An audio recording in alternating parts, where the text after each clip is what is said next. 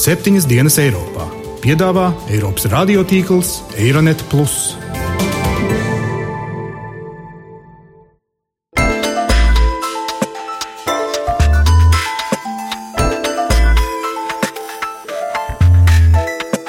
Šonadēļ septiņas dienas Eiropā dzirdēsim. Šie zaudējumi ir tikai dēļ Krievijas embargo. Šī embargo ietekme uz kopēju ekonomisko attīstību nav liela. Sankcijas, kas sāp kā rietumos, tā arī austrumos.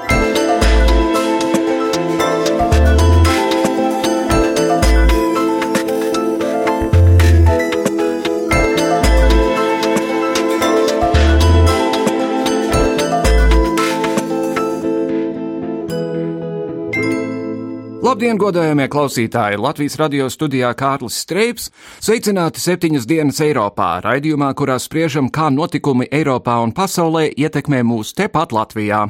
Pēc deputātu pozitīva balsojuma par reformām Grieķija ir gatava sākt oficiālas sarunas ar tās kreditoriem par ierosināto 86 miljardu eiro aizdevumu vai glābšanas riņķi. Trešdien balsojumā Grieķijas parlamentā 230 deputāti atbalstīja reformu paketi, savukārt 63 balsoja pret. Premjeram Aleksim Cipram izdevās novērst sacelšanos savas partijas rindās, kopumā 36 Sirīza deputāti balsoja pret vai atturējās. Tas jau bija trīs deputātu mazāk nekā līdzīgā balsojumā iepriekšējā nedēļā. Šodien raidījumā par to, kā ekonomiskais konflikts turpinās, lai gan šoreiz ar Krieviju. Neilgi pēc tam, kad Eiropas Savienības padome nolēma pagarināt ekonomiskās sankcijas pret Maskavu vēl uz sešiem mēnešiem, Krievija pagarināja savu gadu veco embargo uz ES pārtikas produktiem līdz pat 2016. gada beigām. Toties vispirms uzklausīsim dažus viedokļus par bēgļu tēmu. Vācija no vienas puses lēmusi pieņemt jaunus bēgļus no vidusjūras valstīm, tomēr vienlaikus sākusi izveidot īpašas imigrantu deportācijas nometnes.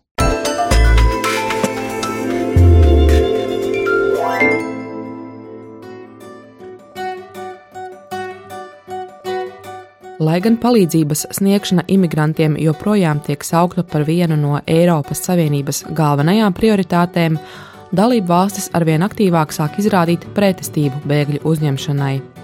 Nepaiet ne diena, kad nenotiktu uzbrukums patvērumu meklētāju mītnēm, bet Eiropas Savienības tieslietu un iekšlietu ministri sanāksmē Briselē nespēja vienoties par 40 tūkstošiem imigrantu pārvietošanu Savienības teritorijā. No valstīm, kur bēgļi Eiropā ierodas pirmām kārtām, plāns paredz tos pēc tam pārvietot uz citām valstīm. Valstis paziņojušas, ka grib uzņemt mazāk bēgļu, vien 32 tūkstošus imigrantu, nevis 60 līdz 40 tūkstošus, kā tika norādīts iepriekš, skaidro Savienības migrācijas un iekšlietu komisārs Dimitris Avramopuls. It is clear member states Ir pilnīgi skaidrs, ka valstīm ir jāpilda pagājušā mēnesī Eiropas komisijā solītais par 40 tūkstošu cilvēku izvietošanu. Gribu ar jums būt godīgs. Esmu vīlies, ka tas šodien nenotika, taču tas bija nozīmīgs solis uz priekšu. Tāpat netika arī panākta vienošanās, cik daudz bēgļu ir gatava uzņemt katra dalība valsts. Latvija sanāksmē paziņojusi, ka paliks pie savām pozīcijām un uzņems tikai 250 bēgļus. Domājams, ka pirmie bēgļi Latviju sasniegs janvārī. Kāds Eiropā būs noskaņojums pret bēgļiem, tad pat labi ir grūti prognozēt, bet jau iezīmējas aina, ka arvien pieaug neapmierinātība pret imigrantu ieceļošanu. Saskaņā ar Vācijas valdības datiem šī gada pirmajos sešos mēnešos visā šajā valstī reģistrēti 150 apzinātas dedzināšanas gadījumi vai cita veida uzbrukumi patvērumu meklētāju mītnēm. Pērn visa gada garumā tika reģistrēti 170 šāda veida vandalisma akti.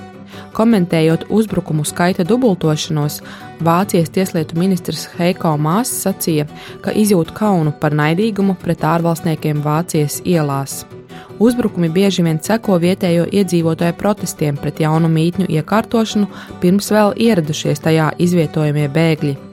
Šie incidenti izraisījuši spriedzi arī pašu vietējo kopienu iekšienē, jo daļa vāciešu pauž atbalstu patvēruma meklētājiem. Tomēr māsas intervijā laikrakstam Bild arī apgalvojas, ka līdztekus vardarbībai novērot arī līdzjūtību pret bēgļiem. Arī kāda aprīļa beigās veikta aptauja liecina, ka puse vāciešu vēlas, lai valsts uzņemtu pat vēl lielāku bēgļu skaitu. Sarunas par bēgļu pārvietošanu Eiropas valstu robežās turpināsies līdz gada beigām, jo, kā skaidro Luksemburgas ārlietu ministrs Žāns Aselborns, sanāksmē Briselē tika panākta vienošanās vien par pirmo programmas gadu. Aujourd'hui, nous avons réussi à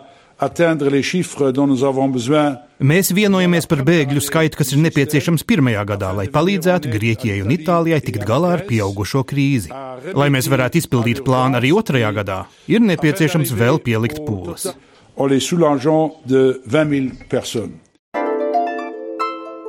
en les Laikrakstā The Guardian pagājušajā nedēļā varējām lasīt, ka Krievijas muitas amatpersonas esot novērsušas mēģinājumu slepus valstī ievest gandrīz pustonu siera no Eiropas Savienības, kuras pārtikas produkti ir pakļauti Krievijas embargo kopš pagājušā gada augusta.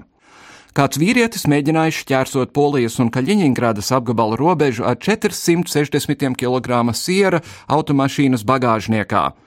Kaļiņģerādas iedzīvotājs teica, ka viņš esot zinājis par noteikumiem, bet nav tos ievērojis, cerot, ka muitas darbinieki nepārbaudīs viņa transporta līdzekli. Krievijas muitas dienests savukārt apgalvo, ka pret kontrabandistu ir uzsākta administratīvā procedūra un siers nogādāts atpakaļ Polijā. Vairāk par Krievijas embargo pagarināšanu un vai gadījumā tas turpmāk uz Grieķijas augļiem varētu neattiekties, mana kolēģe Jāņa Kropa sižetā.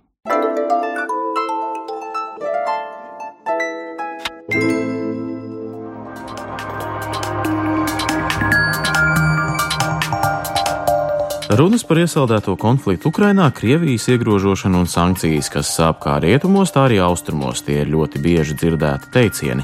Loģisks jautājums ir, vai tam kādreiz arī pienāks beigas, kādreiz jau pienāks, bet šobrīd gan vēl nē. Ekonomiskais karš starp Eiropu un Krieviju turpinās, jo salīdzinoši nesen Eiropas Savienības valstis pagarināja jau ieviestos apgrūtinājumus tirdzniecībai ar Krieviju vēl par sešiem mēnešiem. Eiropa liekas Krievijas tirdzniecības iespējas līdz nākamā gada 1. janvārim, uz ko Krievija savukārt atbildēja ar sankcijām gada garumā. Tā teikt, mēs tāpat varam vairāk un augstāk nekā jūs. Krievijas prezidents Vladimirs Putins vienā no savām uzrunām, kā jau ierasts atbildību par notiekošo, uzvēl atkal tiem, kas ir aiz Krievijas robežām un grib tai it kā nodarīt pāri. Spiediens pret Krieviju ir saprotams. Mēs veidojam neatkarīgu politiku un netirgojam savu suverenitāti, kas, protams, ne visiem patīk. Šobrīd es teiktu tā, tie, kas ievieš šos ierobežojumus, viņi mēģina sašķelt mūsu sabiedrību, saprast tās vājos posmus, bet tas nav izdevies. Cerēt arī uz kādām izmaiņām vai uzlabojumiem no mūsu ģeopolitisko oponentu puses tuvākā nākotnē nav pamata. Tam pierādījums ir Eiropas Savienības pagarinātās sankcijas un ASV nebeidzamās diskusijas, kā pastiprināt spiedienu pret Krieviju. Neviens, protams, to necenšas analizēt, kas notiek Ukrainas dienvidu austrumos, kādēļ šīs sankcijas vispār ir ieviestas. Tāpat kā neviens no viņiem neatzīst, ka nekārtības Ukrainā notiek tieši šo sankciju ieviesēju dēļ. Krievijas domas deputāts Andrejs Krutovs ir aicinājis Krievijas prezidentu tomēr apsvērt iespēju atcelt sankcijas vismaz pret krīzē nomocīto Grieķiju. Viņa prāta šādā veidā tiktu dots pozitīvs signāls tām Eiropas Savienības valstīm, kuras vēlas sadarboties ar Krieviju.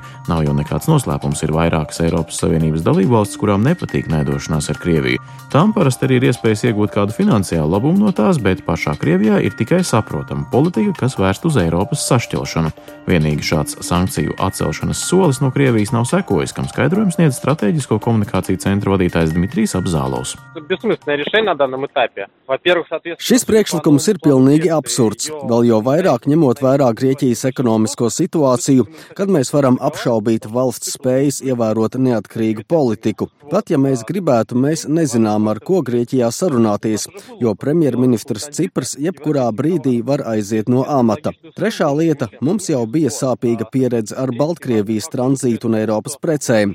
Šādu schēmu varētu izmantot arī Grieķija. Austrum Eiropas valstis var vienoties ar Grieķiju par marķējumiem un tirgot savas preces Krievijā caur Grieķiju. Tātad lielai daļai Eiropas nemaz nevajadzēs domāt, kā un vai runāt ar Maskavu. Pietiks parunāt Atēnās. Kamēr nav pilnībā atrisinātas problēmas ar Grieķiju, šādas sarunas ir pilnīgs sabiedrisko attiecību gājiens. Skaidrs, lai uzlabotu attiecības ar Krieviju, Eiropai nav tik ļoti vajadzīgas Austrum Eiropas valsts un vēl jau mazāk Grieķija. Vācijas un Francijas vadītāji jau ir vairāk kārt savstarpēji tikušies, lai spriestu, kā tālāk risināt attiecību krīzi ar Krieviju. Viena no sarkanajām līnijām ir notiekošais Ukrainā, un šīs problēmas risināšanai svarīgi ir ievērot Mīnskā panākto vienošanos. Šo nosacījumu kā galveno uzsver arī ASV valsts departaments, tā pārstāvis Marks Tauners stāsta vairāk. Visa reģiona stabilitāte ietekmē Krieviju ar saviem draudiem Ukrainā, tāpēc mēs esam centušies atrast pēc iespējas vairāk diplomātisku risinājumu kopā ar NATO partneriem, lai ievērotu Minskas vienošanos.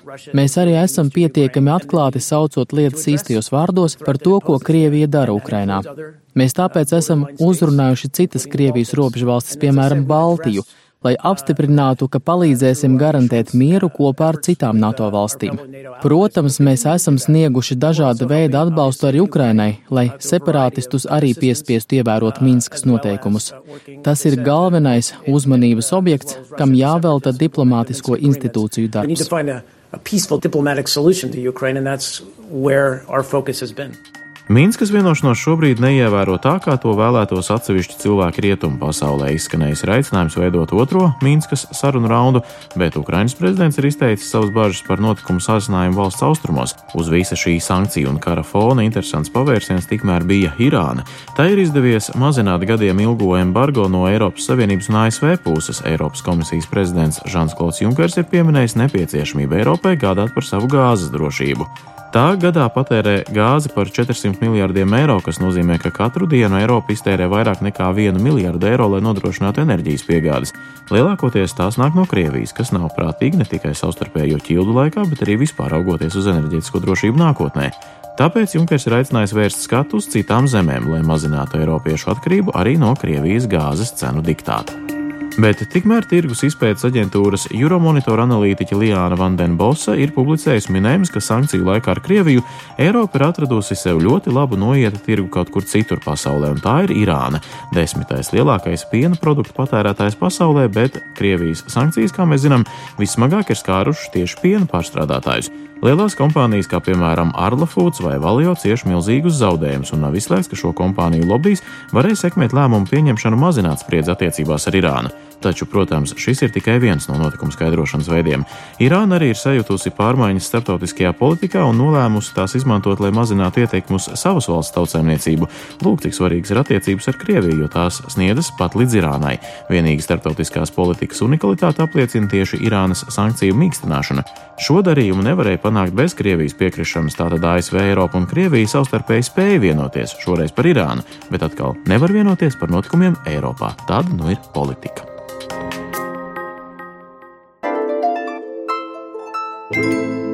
Šodien ceram apspriest Krievijas pārtikas produktu embargo pagarināšanu, gan lai apspriestu labās ziņas, ka dažas Latvijas tautsēmniecības nozares spējušas pārvarēt embargo sekas, pārorientējoties jauniem eksporta tirgiem, gan arī lai noskaidrotu, kādus jaunus noieta tirgus Latvija un citas Eiropas valstis ir nolūkojušas, lai kompensētu Krievijas ekonomiskā konflikta radušos zaudējumus.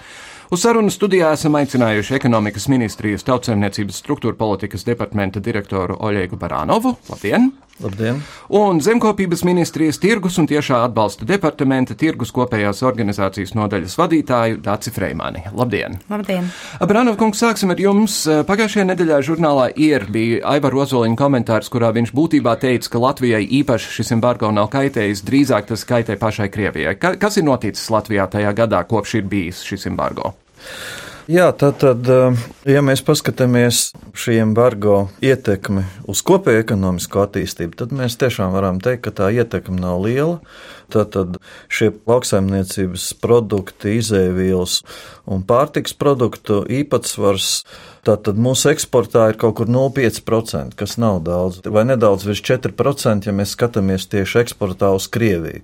Un kopumā šī ietekme ir samazinājusi potenciālo izaugsmu pa kādiem 0,2% punktiem. Tā kā, ja tā mēs skatāmies, tas, protams, nav daudz, bet uh, skaidrs, ka tiem uzņēmumiem, kuri eksportē, kuri tieši nodarbojas ar lauksaimniecības produktu ražošanu, kuri šobrīd zem, zem šīm Krievijas sankcijām, protams, ka viņi tā neteiks. Viņi viņiem tie ir diezgan lieli zaudējumi. Šie 0,4%, ko jūs pieminējāt, vai tas tā vienmēr ir bijis ļoti minimāls procents, ir bijis pārtikas preču eksportam uz Krieviju? Eksporta apjoms uz Krieviju viņš ir 10% aptuveni. No visiem? Jā, tas tāds bija 14. gadā, un, protams, šobrīd viņš ir krietni samazinājies. Ne tik daudz šo embargo preču dēļ, bet tāpēc, ka situācija Krievijā ir pasliktinājusies un kad ir nokrities rubļa kurs, kas ir nu, ietekmējis mūsu eksporta iespējas. Un kaut kur 40% lauksaimniecības produkti plus alkohols. Un tad mehānismi 16%, ķīmijas preces kaut kur 10% un tālāk. Un tā tālāk. Jā. Jā. Freemans kundze ir, protams, lauksaimniecības produkti, kas tiek ražoti gada garumā, piens, piemēram, un piena produkti tādi, kas ir sezonāli, piemēram, graudi, un tagad tuvojās pļaujas laiks. Kā izskatās lauksaimniecībā pat labam? Šobrīd kopumā var teikt, ka dēļ šī Krievijas embargo vistiešāk un vismagāk tiks skart šī piena nozara, un to nevar skaidrot, ka šie zaudējumi ir tikai dēļ Krievijas embargo, jo tajā pašā laikā Mēs skatījāmies, ka eksports samazinās arī uz citām valstīm. Tātad jau uz Krieviju viņš ir samazinājies tieši piena produktiem par 31 miljonu eiro. Tad, ja mēs paskatāmies citus mūsu nozīmīgos eksporta tirgus, kā Lietuva, Vācija, Igaunija, kas ir Eiropas Savienībā, tad šeit šis apjoms ir mīnus 43 miljonu eiro. Un es pieļauju, ka tas ir tāpēc, ka tajās valstīs, kas arī nedrīkst eksportēt arī nedrīkst, uz Krieviju, jā. dara kaut ko citu ar saviem piena produktiem. Jā, jāsaka tā, ka katra valsts šos produktus apēd savā valstī lielākoties. Un katrā gadījumā, teiksim, pienu ir grūti transportēt ļoti garos attālumos, ir dzēsēšanas iekārtas un tā tālāk. Tieši tā. Vistiešāk arī ir ietekmēts ar tieši arī šie siera produkti.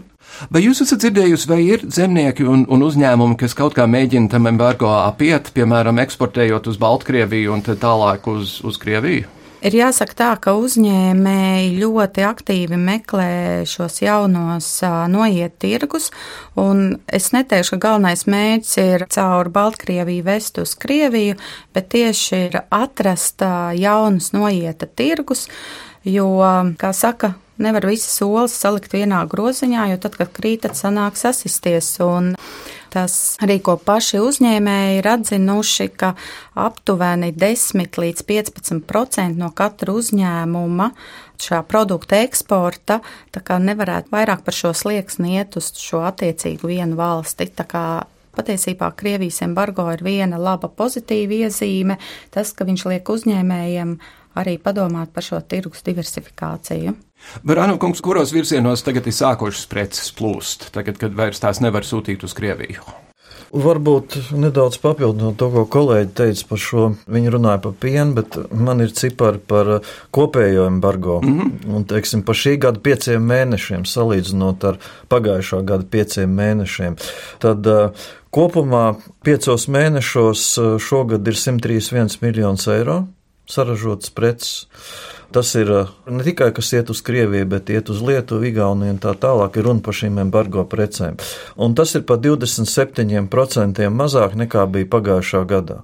Un divas trešdaļas no šīs samazinājuma mēs varam attiecināt tieši uz Krievijas tirgu, un viena trešdaļa tā tad uh, ir saistīta, teiksim, Lietuva, Igaunija un tā tālāk. Tad, nu, tā kā tās preces tagad ir kaut kur jāmeklē likt, un mums tā tad mazāk arī viņas pieņem šīs mūsu kaimiņu valsts. Un tāpēc uh, ir ir ļoti grūti šobrīd runāt, ka tieši šīs preces ir iespējams nu, kaut kur atrast jaunas tirgus. Es pieļauju, ka kāds ir atrasts, bet nu, kopumā šie dati to neliecina. Bet, protams, kad neskatoties uz šo Krievijas embargo, mūsu eh, eksports šī gada piecos mēnešos ir pieaudzis par 2%. Kaut arī kritums uz Krieviju tad, tad bija 20%, un tas ir kompensēts ar pieaugumu uz Eiropas Savienību 3,4%, un uh, arī pārējām valstīm 15,6%. Skatīs statistikas datus, piemēram, uz Ķīnu, tagad mēs esam divkāršojuši arī uz ASV, kaut gan tie apjomi joprojām tur ir uh, nelieli, bet nu, tomēr tā tendence tāda ir. Un, ja runājām par precēm, tad lauksaimniecības preču šī gada piecos mēnešos viņas ir pa kādu 18 10% mazāk nekā tas bija pagājušā gadā eksportēts, bet pieaugums ir ķīmiskām precēm, koksnē, mašīnu būvē un arī visām pārējām precēm, izņemot vēl metālus. -hmm. mēs redzam pozitīvas tendences. Bremens kundze, tajos gadījumos, kad eh, zemnieks vai, vai uzņēmējs nevar atrast tirgu savām precēm, kas īsti ar tām notiek? Vai piens vienkārši tiek ielēts grāvī, govs tiek noslaktēta un viņi mēģina darīt kaut ko citu, vai tomēr ķepurojas? Šobrīd ne, piens netiek izliets ārā, un arī ar govīm nekas netiek darīts. Un šobrīd ir tā, ka piena pārstrādē ņem no zemniekiem pienu, un tālāk šis ir piena pārstrādes jautājums, kas meklē šos jaunos tirgus. Un arī mēs zinām, ka Eiropas Savienībā vēl joprojām ir atvērta šī iespēja vājpiena pulvera un sviesta valsts intervence. Jā, es atceros, kādreiz bija runa par milzīgiem sviesta kalniem un, un cukuru kalniem un visādām lietām, bet lielā Eiropa to var aprīt būtībā. Jā, šobrīd šī intervence ir atvērta, un jāsaka tā, ka Latvijas vaipienu pulveru un sviesta šī iepirkuma cena ir tuva jau šai Eiropas noteiktajai intervences cenai.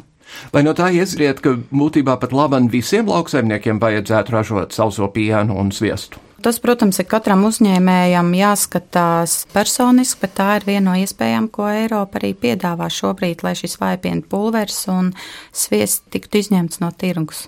Vai Eiropa arī dod kaut kādu mērķu finansējumu, lai drusku pārorientētu to, kas notiek laukos? Tieši uz ārējo tirgu apgūšanu šobrīd nav nekas paredzēts bet šī gada sākumā Latvijas lauksaimniekiem, tāpat kā Igaunijas, un Lietuvas un Somijas piena ražotājiem, tika izmaksāts ārkārtas Eiropas Savienības atbalsts tikai šīm četrām valstīm.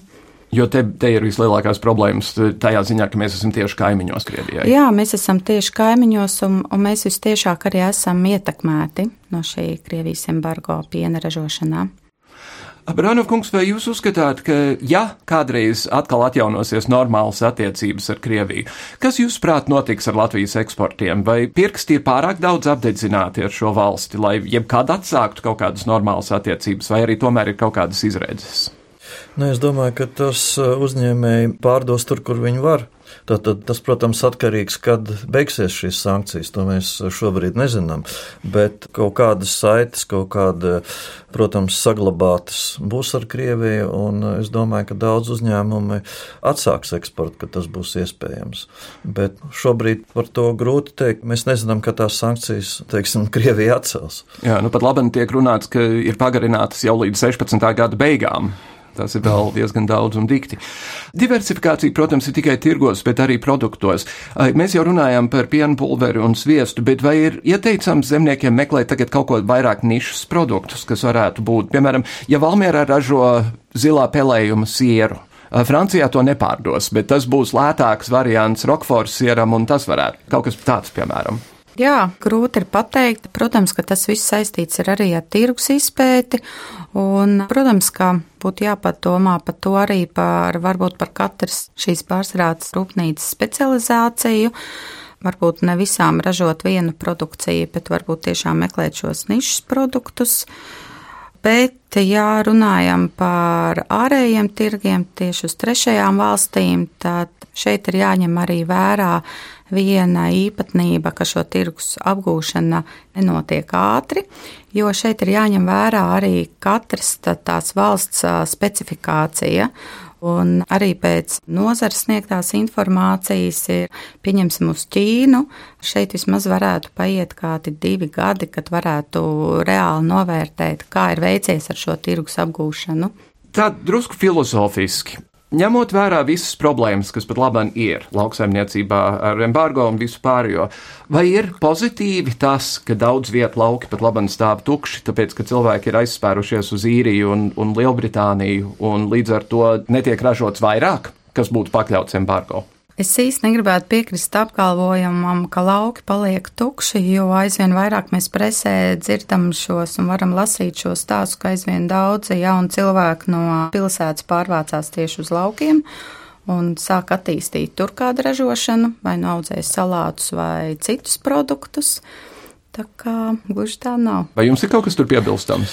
Es domāju, ka tiek ražots tik, cik var pārdot. Teiksim, var jau saražot noliktavai, bet nu, no tā nekāda jēga nav. Tāpēc arī mēs varam paplašināt ražošanu tik daudz, cik varēsim pārdot šo produkciju.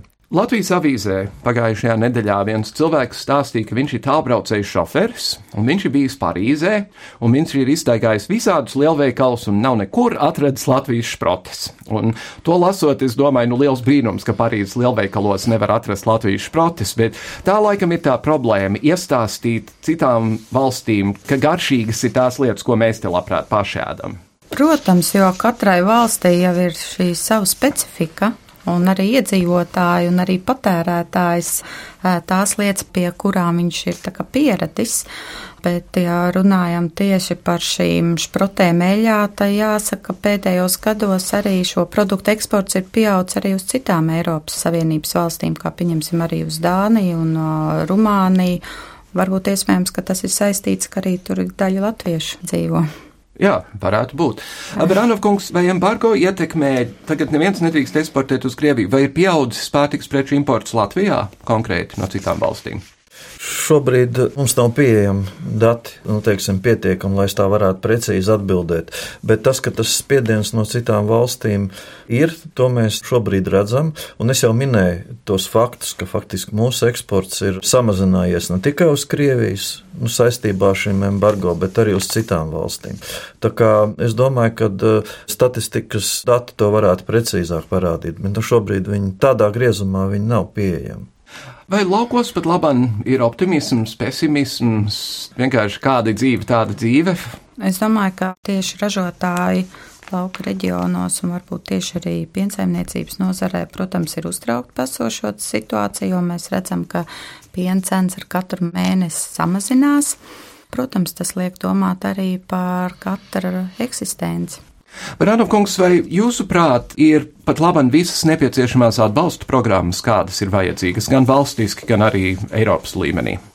Šobrīd tas atbalsts tiek dots trīs virzienos. Tātad, pirmkārt, tās ir nodokļu samaksas termiņa pagarinājumi. Cik es zinu, tad eh, līdz māja beigām šādu iespēju ir izmantojuši 29 uzņēmēji. Tad uh, otrs atbalsta virziens ir atbalsts eksporta tirgu pārorientācijai. Tad šeit uh, Eiropas Savienības struktūra fonda nauda ir tieši pārdalīta uz šo aktivitāti, un tā pamatā aiziet tad, uh, atbalstam izstāžu rīkošanām, mārketingam, virzīties uz tirgiem, tā skaitā arī dažādām vizītēm. Un trešais virziens ir atbalsts apgrozumā līdzekļu pieejamības veicināšanai. Nu, piemēram, tiem uzņēmumiem, uzņēmumiem, kur ir cietuši no šīm sankcijām, ir iespējams kredīt brīvdienas pagarināt līdz vienam gadam. Bet eh, es zinu, ka eh, ļoti daudz šī atbalsta pasākumu tieši no zemkopības ministrijas paspārnē ir. Tas laikam bija mājiens jums. Jā. Vēl ir tāda lieta, ko papildus tam, ko kolēģis minēja, vēl ir šī kredītprocenta daļēji dzēšana arī lielajiem uzņēmumiem un arī zivsaimniecības sektoram. Un jāsaka, ka šis pasākums ir izmantots arī 2014. gada nogalē. Tad, protams, tika un tas bija Eiropas Savienības ārkārtas atbalsts arī augļu un dārzeņu nozarei. Tas bija pagājušā gada nogalē, viņš tika piešķirts, un Latvijai šis apjoms bija 146 tūkstoši eiro. Liela daļa finansējuma ir arī paredzēts piena nozarei. Šeit ir gan visi tiešie maksājumi, tāpat arī piena nozarei bija Eiropas Savienības ārkārtas atbalsts, gan arī 8 miljonu eiro, un tāpat tika paredzēts ciltsdarba maksājums ap 14 miljonu eiro. Un, protams, arī ir šie, gan šīs valsts intervences iepirkums, gan arī privātās uzglabāšanas iespējas. Tā kā šīs pasākumu klāsts ir diezgan liels, bet jāsaka, kāpēc tikšanās ar nozaru pārstāvjiem ir jāsaka, visvairāk viņi ir tieši priecīgi par šo nodokļu maksājumu atlikšanu. Mm -hmm. Es varu iedomāties. Un pēdīgi, eh, ko jūs gribētu teikt eh, Latvijas patērētājiem? Piemēram, kad es pērku pienu, es pērku to pienu, kas ir stāvēt sešus mēnešus, jo es pienu maz patērēju, un es ļoti priecājos visu laiku par brigaderiski annelisko nosaukumu tam pienam, un līdz kamēr es uzzināju, ka to ražo Lietuvā. Ko mums darīt? Pirmkārt, tas ir jāskatās arī uz marķējumu, kur ir šī izcelsmes valsts. Ir jāsaka, ka mūsu valstī ir veikts dažādas visādas šīs veicināšanas kampaņas. Zaļā karotīte un, un ēd vietējo, tā kā ir iespēja cilvēkiem izvēlēties produkciju, kas viņiem labāk garšo. Un varbūt arī vizuāli patīk labāk. Un vajag tik paskatīties. Jā, Labi. vajag tikai paskatīties. Uh, Oļegs Barānovs no ekonomikas ministrijas un Dācis Freiman no zemkopības ministrijas. Paldies jums abiem par sarunu. Senā skandināvu mitoloģijā troļļi bija mazas maģiskas būtnes, kas mīt kalnos vai alās, dzīvo izolēti un cilvēkiem labu nevēl. Vairākus gadsimtus vēlāk Džona Ronalda Ruela Tolkiena gradzenu pavēlniekā tie tiek raksturoti kā lieli, ļauni, stulbi ar netīrīgiem ieradumiem, toties apveltīti ar pietiekamu intelekta pakāpi, lai spētu sazināties, izmantojot valodu.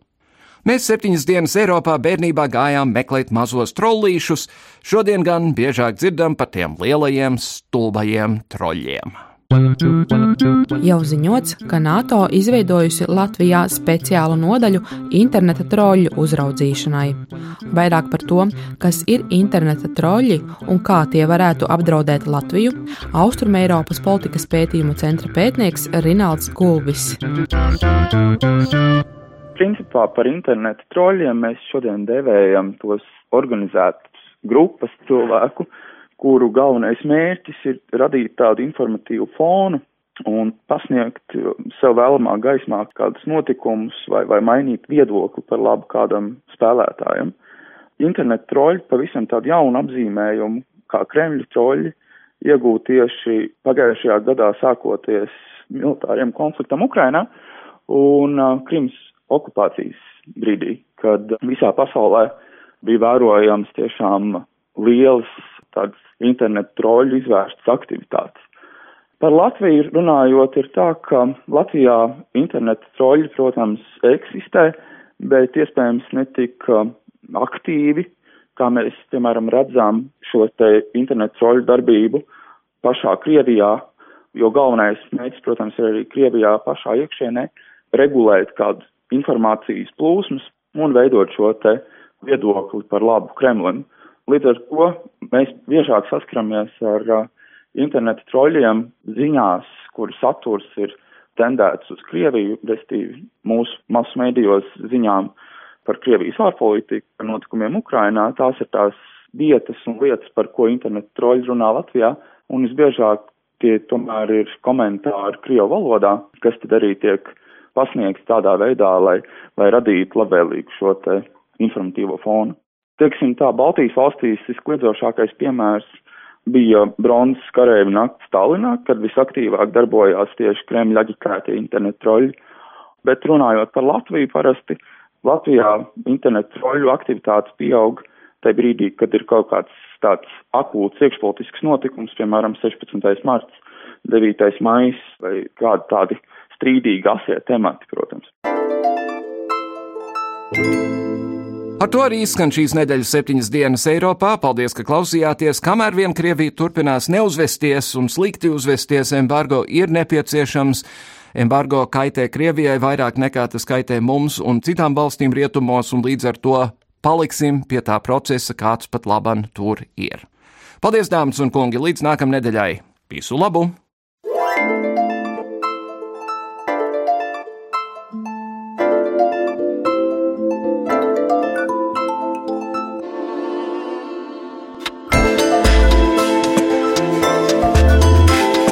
Raidījumu veido Kārlis Streips, Gita Siliņa un Jānis Krops. Producents Lukas Rozītis.